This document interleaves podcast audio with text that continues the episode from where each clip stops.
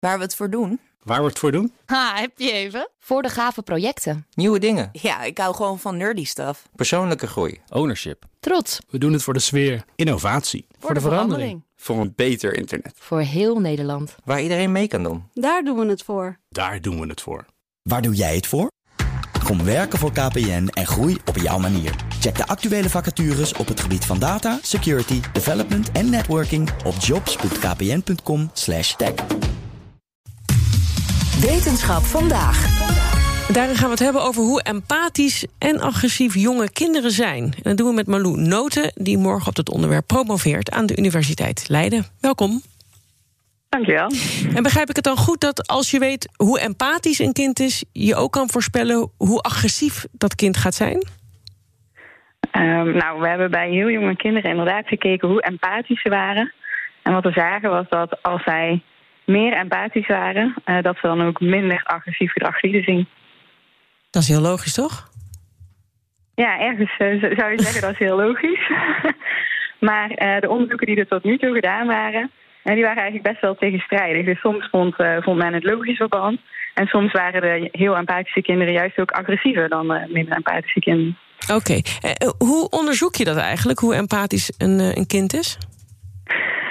Um, nou, wat we gedaan hebben bij kinderen van 1 en 2 jaar is uh, op een onverwacht moment uh, eigenlijk gewoon onze teen gestoten tegen een tafelpoot en dan een minuut lang uh, eigenlijk intens simuleren dat je pijn hebt. En de reactie van de kinderen daarop die hebben we gefilmd. Um, om te zien hoe zij daarop reageren. Wat doet een kind dan als er zoiets gebeurt? En hoe leeft hij dan met je mee? En sommige kinderen die schrikken daar best wel van. En anderen die komen bijvoorbeeld een speeltje naar je brengen om je te helpen. Oké, okay, en wanneer ben je empathisch? Nou, ik denk sowieso zo'n speeltje kon brengen. Ja, maar ook uh, zo'n schrikreactie, die laat eigenlijk zien dat jij uh, de, de pijn van de ander meevoelt.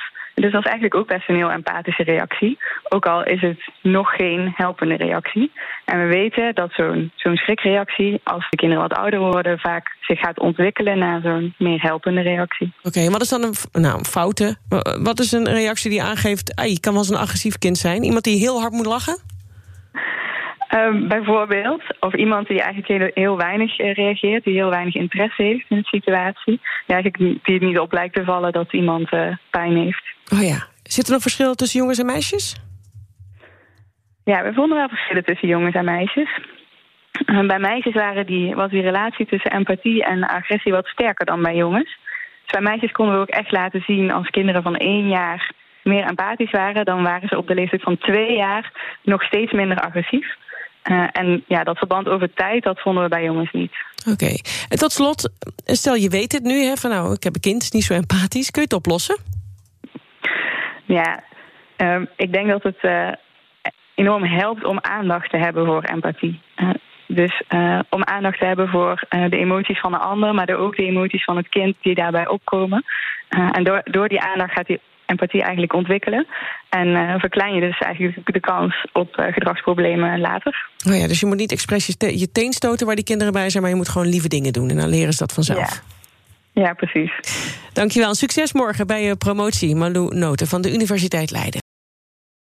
Ook Diana Matroos vind je in de BNR-app. Ja, inderdaad. Je kunt live naar mij luisteren tijdens de Big Five. Ook handig in de BNR-app. Breaking nieuwsmeldingen, maar ook het allerlaatste zakelijke nieuws. En je vindt in de app alle BNR-podcasts, waaronder Wetenschap Vandaag. Download nu de gratis BNR-app en blijf scherp.